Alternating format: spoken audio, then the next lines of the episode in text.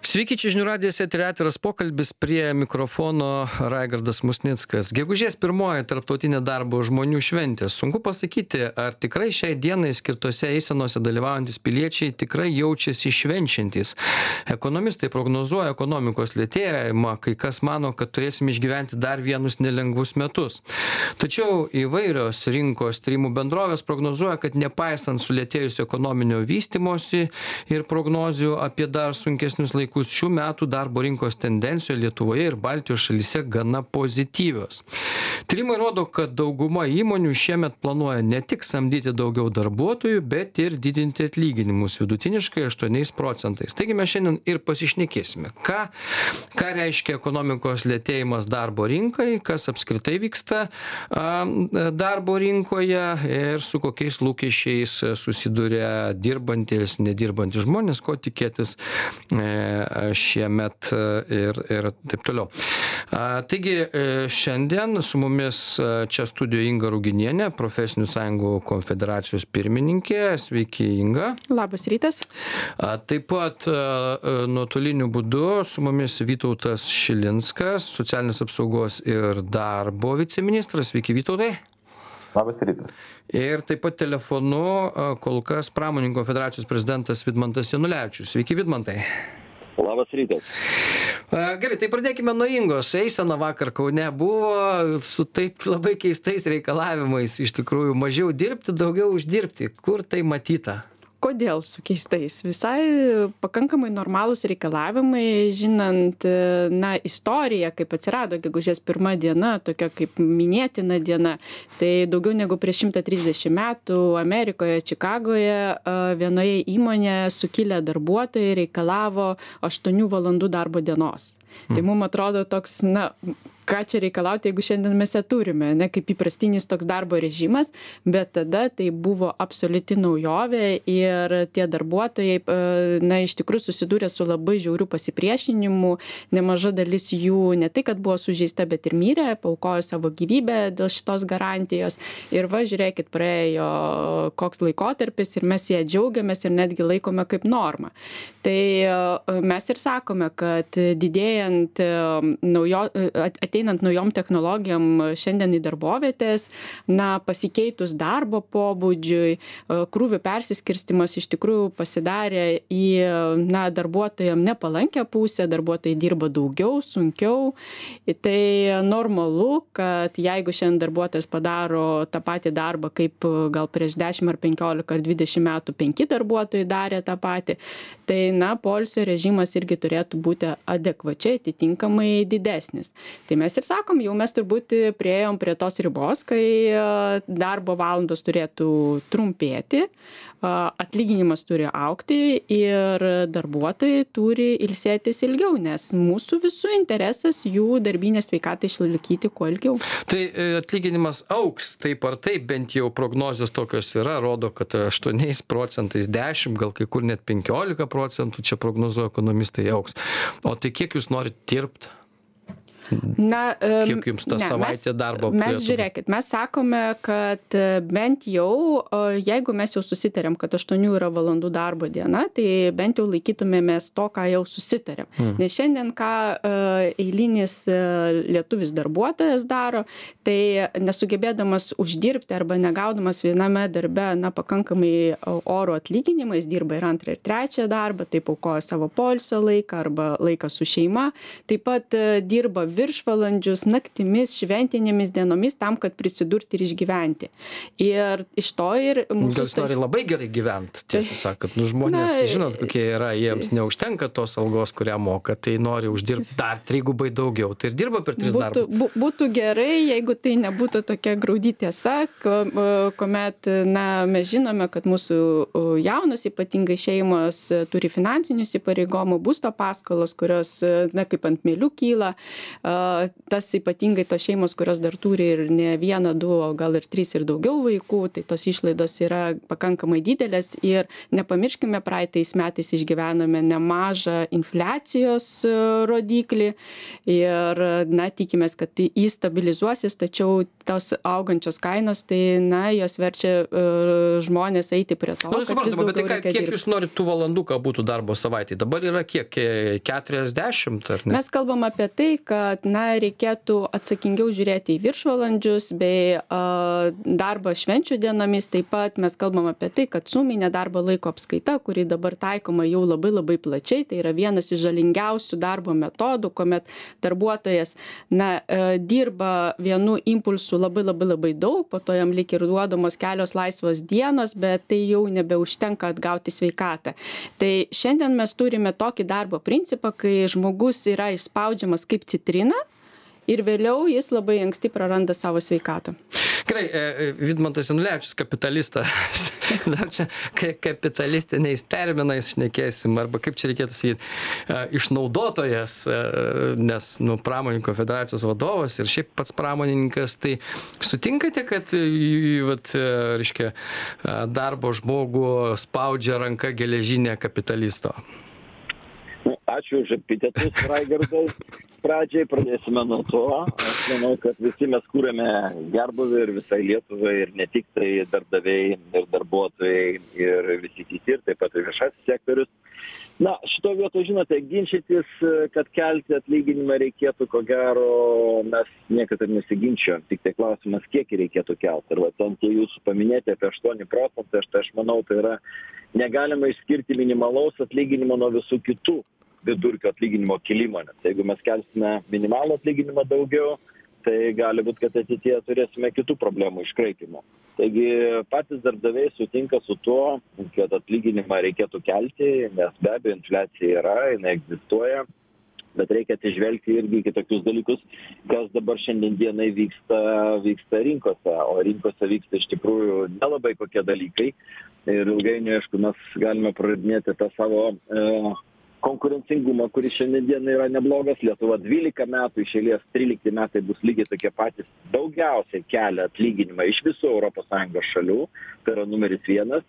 Aš manau mes galim visi pasidžiaugti tais rezultatais kad aplenkėm pagal e, bvp ppp tokias šalis. Visas visus kaimynus aplenkėm apart vokietijos šiandien dienai. Ispaniją portugaliją graikiją visgi tie pasiekimai yra. Ir jeigu mes norim ir toliau kad žmonių pajamos augtų ir kad jos didėtų proporcionaliai ir nuosekliai visgi manyčiau reikėtų daugeliu atvejų pasižiūrėt kaip tai gali paveikti mūsų ekonomiką. Todėl mūsų bent jau siūlymas būtų verslo tarybos siūlymas būtų kelti atlyginimą devyni šimtai devyniais eurais iki devynių šimtų devynių eurų ir tai sudaro ko gero gal ir nesudaro pilnai aštuonių procentų bet yra labai šalia tų visų aštuonių procentų. Ir tai manyčiau kad yra šiandien dienai prie tos dabartinės situacijos yra labai logiškas veiksnys kad ir toliau augimas būtų ir kad mes augtumėm visi kartu turi būt pamatuoti tie augimai ir pagrinde aišku tai yra kodėl? Todėl kad tai yra grynai dėl regionų. Regionuose visgi tas minimalus atlyginimas dar egzistuoja ir jeigu mes labai pradėsime kelti žmonės dar labiau nueis į šešėlį.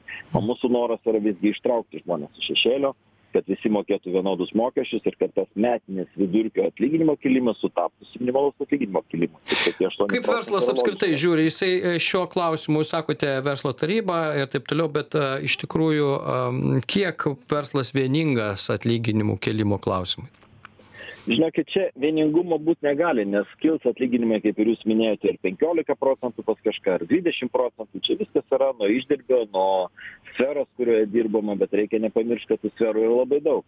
Aš manau kad daugelio it specialistų atlyginimai šiandienai juokinga klausytis jiems apie šituos na minimalius atlyginimus ir visa kita bet yra verslų kuriems kiekvienas aptarnavimo sferoj kiekvienas pakeltas euras reiškia konkurencinį pralaimėjimą prieš e, miestą prieš kitą regioną prieš dar kažką. Tai tai vat reikia žiūrėti kad e, tolygumo čia nebus bet minimalus atlyginimas užduoda kartelę. Ir šiandien dienai jeigu mes pakelsime tiek kiek siūlo lietuvos bankas tai be abejo mes tada viršysim net ir jungtinių amerikos valstijų reiškiasi minimalų atlyginimą. Čia vat kaip tik buvo spaudoj ką tik paskaičiau proporcionaliai išskaičiavus tai vat klausimas ar mes jau pasiekėme amerikos lygį ar mes dar nepasiekėme? Ar mes norim paimti ir aplenkt visus.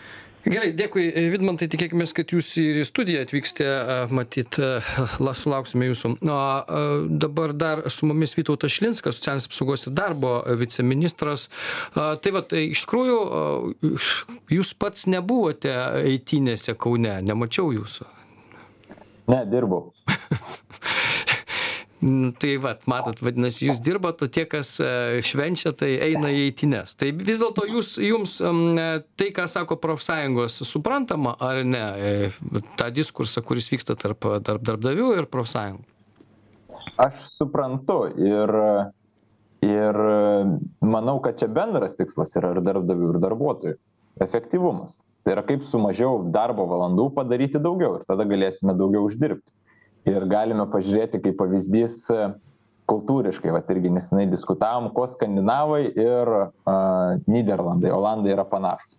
Vieni turi labai didelį viešąjį sektorių, kiti labai mažą, bet ir tos šalis ir tos yra sėkmingos ir labai didelius atlyginimus, e, todėl kad ir ten, ir ten turi stiprią bendradarbiavimo kultūrą tai yra tiek darbdaviai tiek darbuotojai tiek valstybė supranta kad reikia ne tarpusavyje kovoti bet reikia kartu bendradarbiauti pažiūrėti kaip mes galime daugiau uždirbt nes jeigu verslas yra sėkmingas ir daug uždirba tai jam nesudėtinga ir darbuotojam didelius atlyginimus mokėt ir jeigu verslas dirba už du tris procentus pelno maržos tai vos vos laikosi kaip sakyt vos galvą iškėlęs virš vandens tai jis natūralu kad tada stengiasi ir ant šitų darbuotojų taupyt ir atlyginimų tai mes turime va tuo keliu eiti kad žiūrėti kaip didinti efektyvumą nes šiai dienai per mėnesį lietuvių atlyginimai jau gana neprastai atrodo regione bet tikrai dirbame daug valandų. Ir valandinius darbo užmokesčio kaštus jeigu žiūrime tai vis dėlto nuo europos sąjungos vidurkio dar tris kartus atsiliekam bet tai ką reiškia dirbame? Tai niekas neįpareigoja dirbt daugiau negu keturiasdešim valandų per savaitę. Neįpareigoja norime uždirbti daugiau tai dabar tai ką daryt norit uždirbt tai reikia dirbti per kelis darbus tai čia ne stebuklai turbūt visiem tas yra bet va čia ir yra neteisingas požiūris kad norint uždirbti reikia ne daugiau valandų dirbt o protingiau dirbt Hmm. reikia kurti daugiau vertės per valandą O kas turi tą vertę kurti dabar? Vertę kurti, vertę kurti turime kartu. Tai visi, kai įsivaizduoja verslas yra, ar įmanomas verslas be darbuotojų ir be žmonių. Nu labai nedaug tokių yra, gal kokią nežinau. Hidroelektrinę ir vėjo elektrinę pastatėm ir, ir daugiau nereikia. Bet ir tai reikia priežiūrai žmonių, ar ne? E, tai, tai visur yra žmonės ir mes turime žiūrėti, kaip mes galime sukurti daugiau vertės per valandą. Ir tos pačios vadybos teorijos būtent ir įgalina pačius žmonės. Mm. Lynas visam pasaulyje populiarus, jeigu apie pramoninkus kalbame, Toyota, kur yra įdėgusi, Taip. kad pačius žmonės įgalino siūlyti, kaip padaryti geriau, kaip padaryti efektyviau, e, siūlyti vadovams, ko nebedaryti. Tai yra ne iš viršaus nuleidžiama vadyba, ką reikia daryti darbuotojas ir ko nebedaryti, bet kiekvienas darbuotojas dar žiūri į procesą ir galvoja, nu tai kaip, me, kaip mes dar galime patobulinti, kaip dar galime geriau produkciją padaryti, kaip galime dar mažiau dirbti. Ir tokiu atveju per valandą galime uždirbti visi daugiau. Gerai, me, e, dėkui Vytautui Šlinskui, samprotavimo jūsų įdomus yra e, šitoje vietoje, pabandysime po pertraukos aiškintis toliau, E, dabar pertrauka. Tęsime atvirą pokalbį, kas vyksta darbo rinkoje, apie tai šiandien aiškinamės e, ir šiandien su mumis e, Profesinių sąjungų federacijos vadovė Inga Ruginienė, Pramonininkų federacijos prezidentas Vidmantas Janulevičius ir socialinės apsaugos darbo viceministras Vytautas Šilinskas. Taigi, prieš pertrauką Vytautas Šilinskas sutinka, kad reikia dirbti mažiau, našiau ir daugiau uždirbti, kad nereikėtų žmonėm lakstyti e, per e, keletą darbų. Mm, Toks yra požiūris, kaip suprantu, profesinės sąjungos irgi tam pritarė, tai bet ką reiškia, tai kas tą našumą turi didinti? Kaip suprantu, jūs sakysite, vėl darbdaviai turėtų suteikti visas sąlygas, pakelti algas ir visą kitą, bet tos investicijos ne, tai- dabar... ne, tai, kad visas sąlygas, bet darbo procesą organizuoja darbdavys. Ir čia uh, su Vytautu aš sutinku dėl to, kad uh, na, efektyviausias ir geriausias darbas įmonėse yra ir tvariausias tuo met, kai na iš tikrųjų darbdavys ne sprendimus iš viršaus nuleidžia tačiau bando iš apačių sugeneruoti tuos sprendimus nes nu kas geriau žinos kaip efektyvinti procesą nei tas darbuotojas kuris dirba su vienu ir kitu konkrečiu procesu. Bet efektyvumas tai na visiškai yra darbdavių rankose nes darbo organizavimas investicija į naujas technologijas taip pat investicija į kvalifikaciją darbuotojų kas irgi kelia produktyvumą ir efektyvumą bei darbo užmokestį tam kad pritraukti na geriausius nu aš suprantu specialistus. bet o ką gali darbdavys? Nu pavyzdžiui gerai dar dar ten sakykim nu kokioj nors imkim kokią nors darbo vietą nežinau picų kepėjas. Ką galima efektyviau padaryt ką jis ten įkainios rei reikia žinoti visus procesus. Tai pirma ta pati įranga tas pats darbo ant laužo darbo kepa, darbo darbo planavimas. Tai tas pačias naujosios naujosios technologijos kur gali pavyzdžiui galbūt per valandą ten penkias picas iškept o gal su kitom technologijom dvidešim ir trisdešim. Tai visas tas kompleksas sprendimų ir didina efektyvumą. Tai esmė ir yra net pasaulio ekonomistai yra ir pasakę o jeigu nereikia dešim picų pe vat jeigu yra Tai- penki klientai tai ką nereikia daryt? tai ir nereikia tai tada nieko nieko nepadarysi Nu, tai o tai tada tada tai pakelt? nu tai tada reikia a, ir galvoti ar verta išvis verslą daryti jeigu jis ne ne neefektyvus ir jeigu jis eina į nuostolį bet pasaulio ekonomistai yra pasakę kad labiausiai neskausmingai galima pakelti atlyginimus tik tuomet jeigu efektyvumas arba produktyvumas yra didinamas tai va čia ties tuo ir turime dirbti. Kvalifikacija investavimas į žmogiškuosius išteklius bei a, darbo organizavimas ir investavimas į technologijas.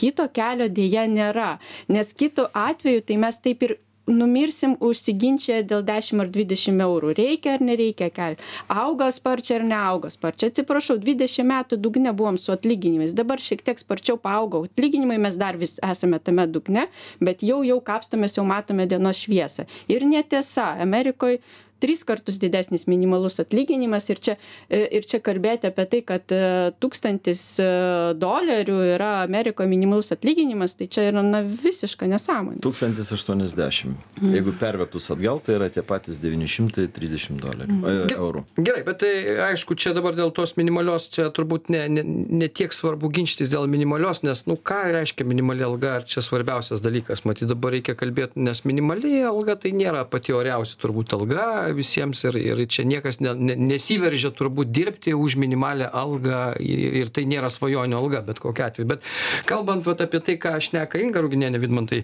iš tikrųjų tas, jūs matote rezervų apskritai, kalbant apie pramonę, apie, apie verslą, e, didinti efektyvumą. Nu, jūs dirbate pats aukštųjų technologijų srity, tai čia jau ten turbūt be efektyvumo, e, kaip sakoma, neišsisuksi. Bet, nu, yra krūva verslų, kur, kur to, nežinau, kaip tą našumą pakelti galima turbūt. Ką, jūs matote? Jo, jūs teisus ir, ir Inga yra teisi šitoje vietoje. Iš tikrųjų, kas liečia pramonę, inovatyvėją pramonę, galbūt tai nėra klausimas tos minimalios algos. Mes kalbame daugiau apie regionus. Iš tikrųjų, regionuose tas, e, jeigu pasižiūrėsime, nuosekliai mažėja ta minimali alga Lietuvoje ir mes tai matome jau kilintus metus iš eilės ir tai yra gerai iš esmės, bet daugelį sektorių, kur reikalingas paprastas darbų ar žemės ūkio ar dar kažkur, tai tai visgi yra, aš sakykime, šiandien dienai didžiausiai darbinanti jėga. Ir nuoseklus kilimas privalo būti, jis tikrai turi būti nemažesnis, kiek bendrai vidurkis atlyginimo kilimas, apie kuriuos 8 procentus ir kalbame, bet aukti 15 procentų ir uždėti dar papildomą kepurį ir spaudimą visiems kitiems sektoriams, aš manyčiau šiuo metu, kai mes einame galbūt ne į recesiją, galbūt į tokį techninį staptelėjimą, tai manyčiau būtų tikrai nepravartu, nes šie metai tikrai bus sudėtingi.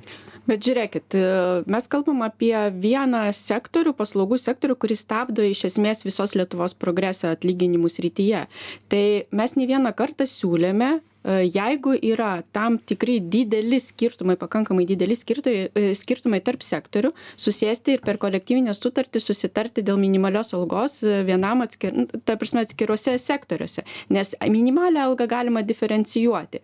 Dabar dėl vieno sektoriaus, kur eilė kitų didžioji dauguma sektorių nemato problemos dėl minimalios algos didėjimo, mes bendrajame kontekste turime sakyti, kad ne, šitas didėjimas, kurį pasiūlė Lietuvos bankas, yra per didelis ir mes jau čia nebeišgyvensime. Tai sėskim prie stalo ir pradėkim kalbėti apie sektorines kolektyvines sutartis. Tai jau būtų vienas iš sprendimų. reikėtų ir grįžt prie šito klausimo bet esmė yra šiandien dienai ne ten. Tai yra tikrai ateinantis sunkmetis ir galbūt čia yra dauges daugiau problema kelti taip stipriai tą minimalų atlyginimą kuris paskui atsilieptų visiems kitiems. O kalbant apie automatizavimą taip be abejo nėra kito kelio kad pramonės įmonėse aukštesnės pridėtinės vertės įmonėse mes turime automatizuotis. Tokiu būdu ir atlyginimai kils. Be abejo mokymai labai teisingai inga irgi paminėjo šitoj vietoj kad mes turime kvalifikaciją kelti. Tai yra kelias ir jisai bus. Bet mes neturim nutolti nuo to kad mes liptumėm liktumėm konkurencingi pirmoj eilėj europos sąjungos viduje.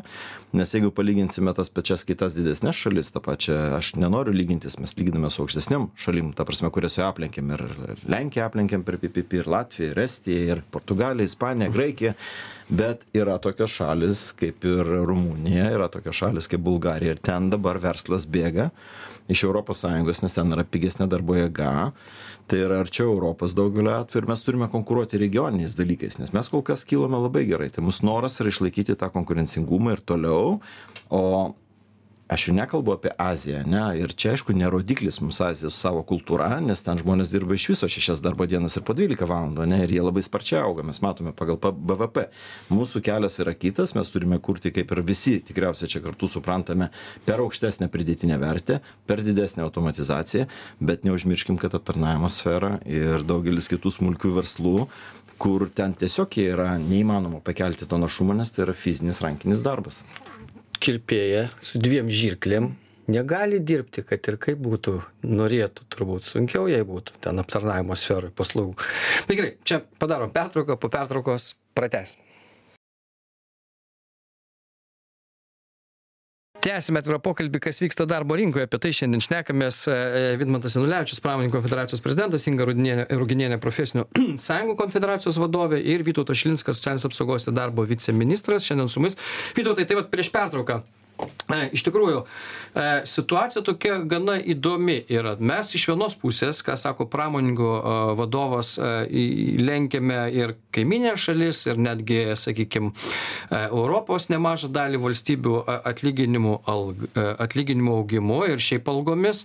Iš kitos pusės Inga Ruginienė sako, nu, bet kokiu atveju žmonės per, turi vis tiek per tris darbus dirbti. Ir, ir šiaip dėl minimalios algos irgi vyksta dabar diskusijos bet na atrodo kad vis tiek pavyks minimalią algą padidinti kas vėl tam tikruose sektoriuose tam tikriems sektoriams būtų blogai. Ir čia tada kalba eina apie tai kad gal reikėtų kažkuriuos sektorius kuriems labai bus blogai na minimalią algą ten leisti kelti kitaip nebūtinai imperatyviai ir nebūtinai iki ten nacionalinio lygio.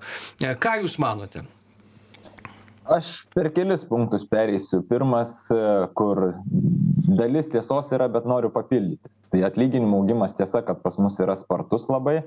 Kai mes matuojame procentais kiek augo atlyginimai. Bet dešim procentų nuo valandinio dešimties eurų bus vienas euras. Penki procentai nuo nuo lietuviško dešim eurų kurie buvo dvidešim pirmais metais bus vienu euru paaugo atlyginimas.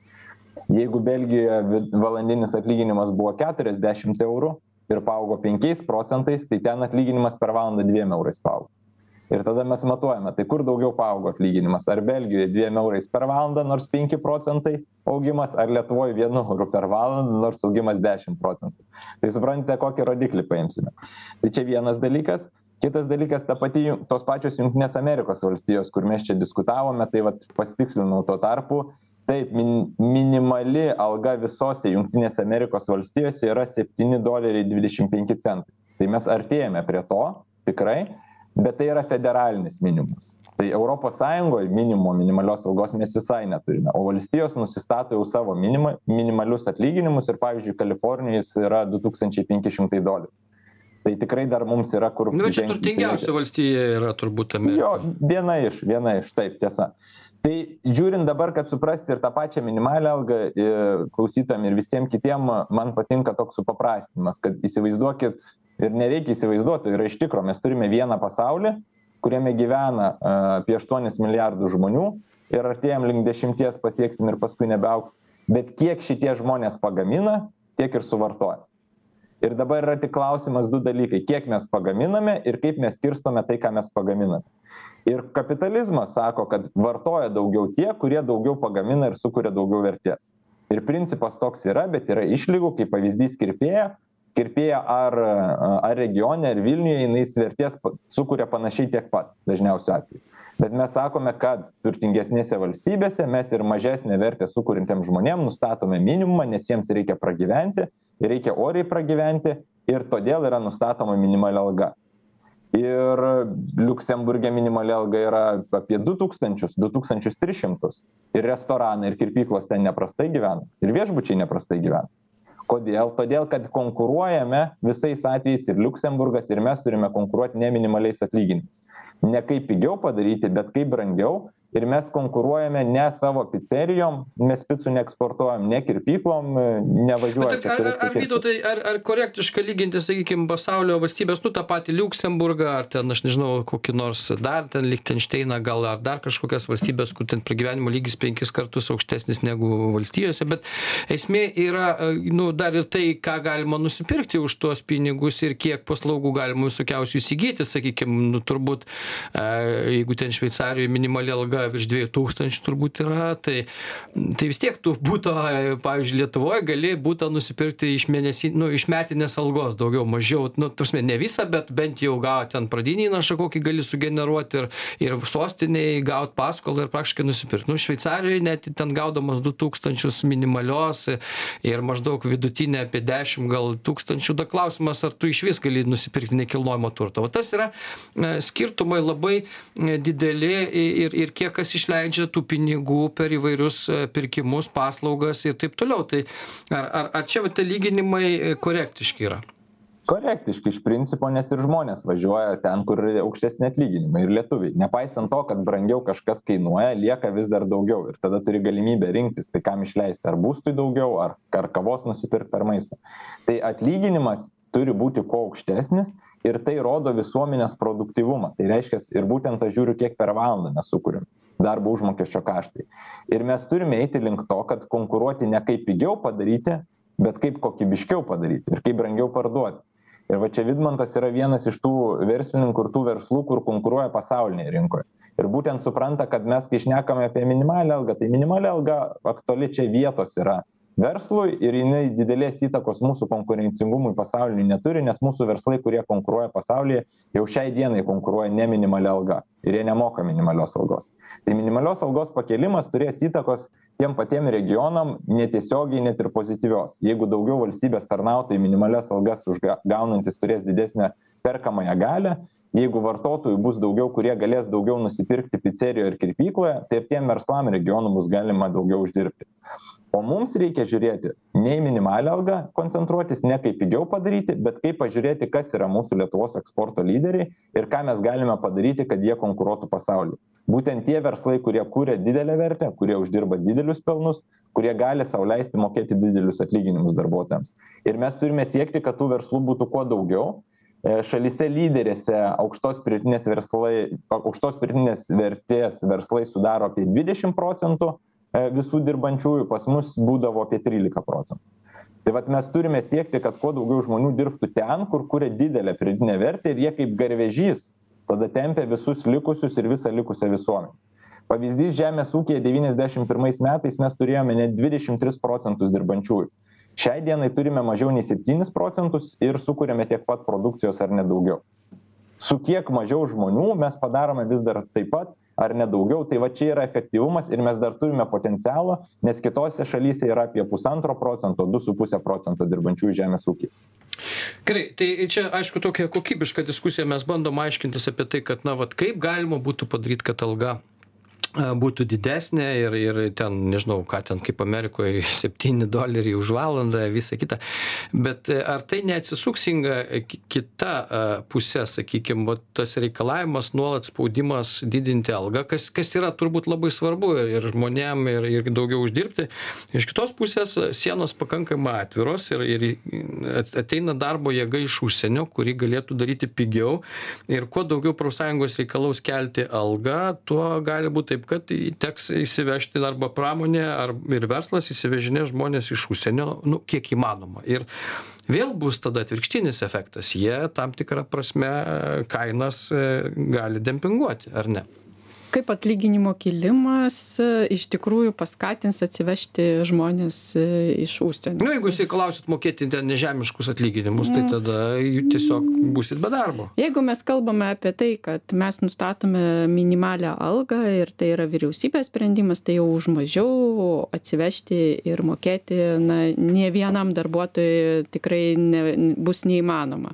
Ir čia aš tai sakyčiau, kad e, tas atsivežimas iš trečiųjų šalių tai va būtent e, yra daugiau darbdavių noras pristabdyti tą atlyginimų augimą ir dempinguoti pačias darbo sąlygas ir darbo užmokestį. Bet pratesiant, ką Vytautas pasakė, iš tikrųjų e, nekelimas, nenoras kelti atlyginimus e, sudarys kitą neigiamą efektą, apie kurį mes na, dažniausiai nešnekam. Nes jeigu mes kalbam apie paslaugas, jeigu kalbam apie tą jautriausią sektorių kuriam turbūt jautriausias e, yra tas minimalios algos kilimas tai būtent jam ir reikia žmonių kurie uždirba daugiau. Kas šiandien atsitiko pasižiūrėkite aš jau nekalbu apie regionus į tą patį vilnių jau dienos pietų pasiūla susitraukia na gerokai jau. Plika akim matome kad e, na restoranai iš tikrųjų patiria tam tikrus sunkumus nes žmonės neateina tiesiog pirkti. Žmonės taupo. Žmonės atsineša pavalgyti į dėžutes į į darbą ir jie su ta pačia kava ir visais kitais dalykais jie taupo kodėl? Todėl kad jų atly realus atlyginimas kas metai mažėja. Jie neperšoka infliacijos jie neturi papildomų pinigų. Dėl to tie sektoriai kurie dabar regionuose sako nu, čia dalis taip ir čia čia yra dalis. Dalis taupo ir nevalgo restoranuose kita dalis valgo ir net labai smarkiai ir, ir net didel... balandžio mėnesį palangoj užkišta viskas. Žiūrėkit, dėl to pas mus ir labai atsiranda žiojasi dideli skirtumai. Viduriniosios klasės praktiškai jau beveik nebeliko, mes ją teoriškai tik tai vadiname. Tai mes turime e, vieną pusę žmonių, kurie uždirba katastrofiškai mažai ir savo daug ko negali leisti. Ir turime kitą pusę, kuri lopsta, kuri e, galbūt, na, įsisukinėja nuo mokesčių, moka mažiau ir kurie, na, kraunasi E, tam tikrą pinigų dalį ir gali sau leisti daugiau. Tai jeigu mes artėjame prie to tokios stadijos, kai sakome, kad vidurinioji klasė mums visiškai nieko nereiškia ir mums neįdomu ir mes norime kaip tik didinti atskirtį, tai jo čia yra geras kelias.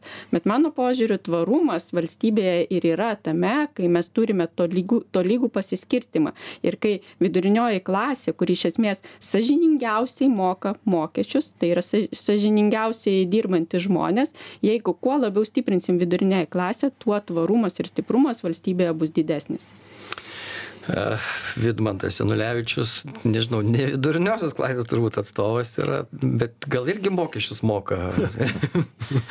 mokam pakankamai, jo, mokam pakankamai, visi mes.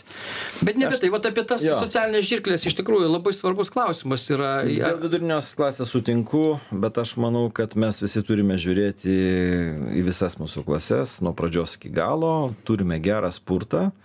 Baisu yra tikrai neužstrikti viduriniuose pajamuose ir čia ne dėl to kad mes apie vidu apie minimalią algą kalbėtumėm tiesiog aš manau ilguoju periodu jeigu mes labai staiga viską čia sukelsim padarysime tai dėl vėlgi aš trumpai įsiterpsiu dėl imigrantų. Tai imigrantai privalo gaut tokį patį atlyginimą ir nėra jokių pažeidimų žinočiau kad yra galbūt vienetai tokių kas buvo apgauti ar dar kas nors bet iš esmės gauna tokį patį atlyginimą ir pažiūrėkite kiek atvažiavo ukrainiečių ir mes turime mažiausią bedarbystės procentą iki šiol tai ar verta pergyvent dėl to kad atvažiuoja daugiau žmonių sukuria daugiau ir vartoja daugiau. Mūsų bumas iš iš dalies pavadinčiau praeitų metų bumas jis yra susijęs su tuo kad atvyko daug imigrantų užpildė vietas. Aišku deja arba deja tai yra pagrinde moterys pabėgusios nuo karo su vaikais. Pusė iš jų įdarbino pramonę visuose regionuose. Puikiai įsidarbino didžiausias rodiklis europos sąjungoje įdarbinimo. Mes dar turime penkiolika tūkstančių laisvų darbo vietų. Bet jie nepaleido pinigų į vartojimą lietuvos ekonomiką. Kodėl? Kodėl? O išsiunčia daugiausia turbūt į ne jiems iš kažko reikia irgi gyvent. Tai irgi gyvena leidžia perka produktus moka pridėtinės vertės mokestį yra visa kita yra socialiniai mokesčiai galų gale. Žiūrėkite mes turime puikų dalyką ir tai parodo kad imigrantai tikrai nieko mums nepadaro ir jokių darbų jie neatiminėja. Esmė reikia užtikrinti tvarų augimą darbo vietų tai ką reikia padaryt? Pramonė mato labai paprastai. Aš sakau čia nueiname nuo minimalios algos mes turime sutvarkyti energetinį savo ūkį. Nes jeigu nebus geros energetikos nebus jokios aukštos pridėtinės vertės produktų. Išvis nes nebus nei robotų už ką dirbt nei kaip. Tai mes tą dabar aktyviai darome kai sutvarkysime su energetika. Faktas kad energetikos kainos kris nes jų bus galimas Bet čia visos šalies e, elektrifikacija, kaip sakė, ar ne, didysis Iš esmės vadas. taip, o toliau sekantys žingsniai, aišku, bus kurti naujas darbo vietas susijusias, nes atpigus energetika leidžia mums perdirbti daugelį medžiagų ir turim suvokti, kad ta žiedinė ekonomika tikroje, ne, pagaminti, nežinau, tarkim, stiklinę, perdirbtą stiklinę sudaužytą padaryti, ją padaryti vėl iš jos naują stiklinę, kainuoja tris kartus mažiau energetiškai, negu padaryti naują stiklinę išvirti iš stiklo. Tai va, reikime to žiediškumo keliu ir tada tie patys atlyginimai kils, perdirbant ir kuriant naujas, naujas pramonės šakas. Bet, kaip ir sakiau, pasižymiu, kad kilti turi atlyginimas minimalus, bet jisai turi tikrai kilti pamatuotai šiandienai, nes stovime ties tokių neiškių dalykų. Ateina dirbtinio intelekto dalykai, kurie gali pakeisti ir persistengti nereikia, nes tada galbūt per daug kažkas pradės investuoti į kitus dalykus, gal ir iš tikrųjų turėsime perteklių žmonių. Taigi reikia nuosekliai aukti, kol kas mes esame. perteklių žmonių, tai čia Kol kas mes augame Ramiai- labai gerai. ramiai. Dėl to ir turėtumėm, turėtumėm judėti. Artimiausių metų dar tikrai neturėsime, aš pritariu Jums. Bet turėtumėm nuosekliai aukti taip, kaip augome. Turi būti pamatuoti ir išgirsti visi so, socialiniai sluoksniai. Darbdaviai tai yra irgi ta pati, ir verslininkai tai yra tas pats socialinis sluoksnis, iš ko pinigų paskui yra surenkama ir dalinama toliau kitiems. Jums Tai iš valdžios tam, kažko kad- reikia pramoninkams, vis tiek, ne, ne tik pramoninkams, bet verslo aš turiu omeny. aš kalbėčiau, kad mums reikėtų visgi visi mes čia sėdintis ir vat, ponas Vytautas, kuris irgi teisingai sako, mums reikia kelti našumą. Jeigu mums reikia kelti našumą, mums reikia investuoti į rengimus, naujus inovatyvius sprendimus. Tam visgi turi būti paskatos. Lietuva yra kol kas dėja su investicijom į, reiškia, daugelis ryčių yra ES švieslentės gale, pavadinkim taip. Bet iš kitos pusės mes esame lyderiai tarp rytų Europos šalių su BVP ir PPP, ta prasme, kaip mes turime. Tai yra tikrai žirklės, kurios netitinka tikrovės. Mes investuojame žymiai daugiau, vadinasi, yra problema statistikoje. Bet investuoti daugiau į inovatyves, naujas technologijas niekada nebus per daug. Tai čia turi būti sukurti paskatos tam, kad tie patys verslininkai neišsimokėtų, galbūt, vad kalbame dabar ir džiugu, kad vyriausybė siūlo momentinį amortizacijos mokestį naujiems įrengimams, inovacijoms, R&D veiklai, kas paskatintų savininką, investuotoją neišsimokėti savo dividendų tu gali atidėti. Jeigu kai jau tu jau sumoki pelno mokestį, ta prasme valstybė avansinį pelno mokestį, tada jau skirtumas sumokėjai 15 procentų, dar damokėti 15 procentų ir išsimti savo pinigus turėti ir gal nusipirkti vat, e, kokią vylą, reiškia, Ispanijai, pavadinkime, ne? Bet jeigu tu, tarkim, gali tuos 15 procentų avansų investuoti į savo šalį, į savo įrengimus, net mokant iš karto avansinio pelno mokesčio, tai tada tu jau susimastai. Žiūrėkit, aš jau 30 procentų praktiškai investuoju Tai savo įmonę. kuri augs. eina kiek metų jau apie tai turbūt kalbam. Nuo tada, kai pasibaigė, mes buvom pirmieji, kas turėjome tą, pavadinkim, vieną iš geresnių tokių įstatymų pelno mokesčio lengvatą investuojant, ką paėmė po mūsų 2002 metais Estija, tada 18 metais Latvija, tada 17-19 metais Lenkija, mes vienintelį kur kol kas to neturim, bet mes e, dabar vyriausybės siūlymas yra apie nenulinę pelno lengvatą, kuri šiandien dienai sukurs galimai, reiškia, turtingiesiems paskatas, ne, bet tai yra grinai momentinė amortizacija, tai yra visai kitoks dalykas, bet su ta pačia intencija reikia investuoti į naujus įrengimus, o valstybė atideda tik tai atideda pelno mokestį iki tada, kai jau savininkas sako, nu va, aš dabar noriu išsimokėti savo pinigus. Ir tada tu sumokė dar daugiau.